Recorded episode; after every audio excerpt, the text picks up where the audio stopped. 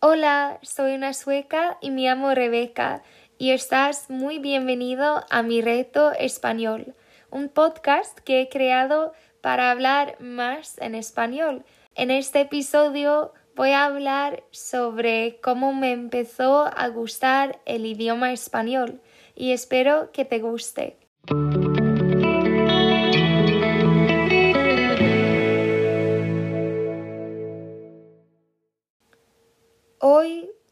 Compartir una historia que está cerca de mi corazón. Voy a contar cómo por fin me empezó a gustar el español. Mi primer encuentro con el idioma no fue amor por primera vista. Igual que otros cuentos de amor, no ha sido un camino fácil ni esperado. Aún así, me gustaría compartirlo porque creo que puede servir como una buena motivación a los que están aprendiendo un nuevo idioma. Pues volvamos unos años atrás y cambiemos de lugar, porque esta historia comienza en una escuela en el sur de Suecia. Estaba en el séptimo grado en la escuela sueca y tendría unos 14 años. Era una chica amable y se me daban bastante bien los estudios. Cuando nos dijeron en la escuela que íbamos a estudiar una lengua extranjera, aparte del inglés, realmente no lo pensé mucho. Aquí, en Suecia, lo más común es elegir entre unos idiomas. Hoy día parece haber muchos más, desde el japonés hasta el italiano, pero cuando yo iba a la escuela las opciones eran el francés, el, alemán o por último el español. Ojalá pudiera decir que elegí el español porque me sonaba tan bonito, porque me daba pasión o porque me interesaba la cultura, pero en realidad me pareció lo más sencillo. Entonces comenzó la primera clase de español y no me impresionó para nada ni la segunda ni la tercera clase. Se me hacía difícil seguir las instrucciones de la profesora y su forma de corregirnos me pareció tan estricto. ¿Qué había pasado aquí? Normalmente se me daban bien los estudios y me gustaban las clases de inglés y de sueco, pero extrañamente con la asignatura español ya no se me notaban las ganas de aprender. Pasaron dos años de muchos deberes, traducciones de textos y práctica de pronunciación, y todavía sentía que no había progresado en la lengua. Seguía con notas mediocres y con poco ánimo en clase. Estaba en el noveno grado cuando algo por fin cambió. No, no fue un nuevo profesor de español, no nos dieron nuevos libros de texto, ni siquiera me sobornaron con dulces. Lo que pasó es que empecé a ver mi parte en aprender español. Previamente siempre me había quejado de la profesora por no hacer que entendiera bien en clase. O pensaba que los idiomas simplemente no eran lo mío. Ahora estaba en noveno grado y solo me quedaba un año para mejorar mi nota de español antes de entrar en el bachillerato. Recuerdo esto con mucha claridad porque con este deseo entendí que algo tuvo que cambiar. Igual que otros aspectos en la vida, no podemos esperar diferentes resultados si seguimos haciendo las mismas cosas de antes. Entonces, con esto en mente, intenté, intenté pensar en formas de mejorar mis resultados tanto en clase como en casa. Observé a mis compañeros de clase y lo que hacían ellos cuando la profesora les preguntaba algo o cuando tenían que resolver un problema. me propuse prestar más atención en clase y en vez de pensar que no sabía la respuesta o que no conocía la palabra que acaba de decir la profesora, empecé a hacer igual que uno de los mejores estudiantes de español. Intenté buscar la respuesta.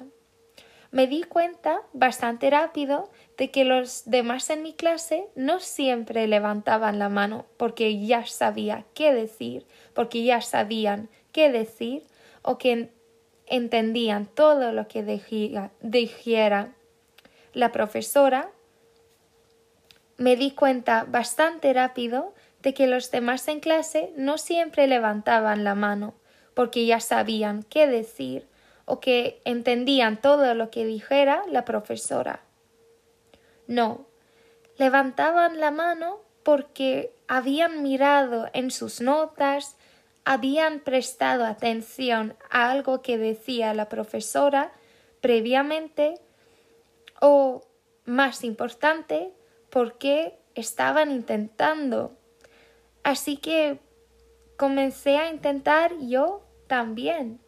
Poco a poco veía que cuanto más me esforzaba, más divertidas me resultaban las clases, porque estaba más activa y lentamente estaba entendiendo más y más. Un semestre después de implementar este nuevo estilo de estudios, era hora de hablar sobre las notas nuevas de español. Por supuesto, estaba muy nerviosa nos sentamos mi profesora y yo en un cuarto pequeño y pasó algo que siempre recordaré. Mi profesora de español, que yo siempre había considerado muy estricta, me miró, me sonrió y por fin me dijo que nunca había visto a un estudiante desarrollar tanto en tan poco tiempo. Me contó que gracias por mi trabajo duro me daría una nota B, lo cual realmente era muy bien. era muy bueno porque antes siempre había sacado notas T. Estaba muy contenta por sacar una nota más alta.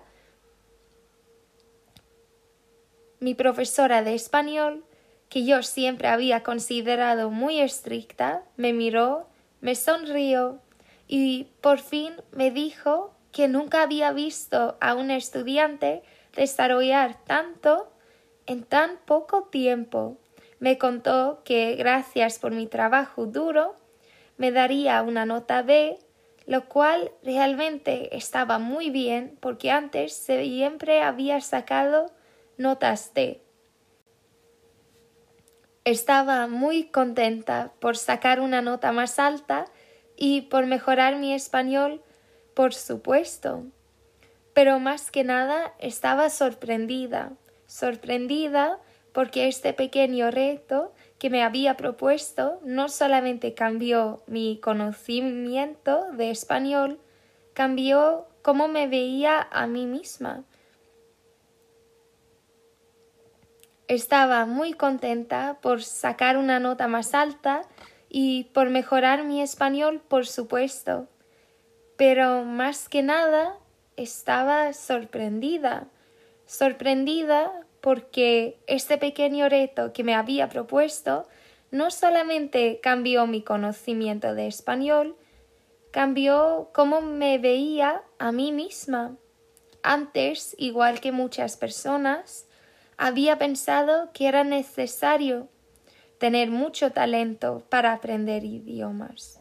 Pensaba simplemente que me faltaba esa facilidad que parecían tener unos de mis amigos. Pero después de este pequeño logro, entendí que también era capaz de aprender un idioma e incluso que puede ser un proceso muy divertido. Terminé la escuela con mejores notas y con la autoestima elevada. Para concluir, esta historia me recuerda que no siempre me gustaba el español pero a veces es mejor no dejar ideas de lo que somos capaces de hacer interrumpir en lo que hacemos.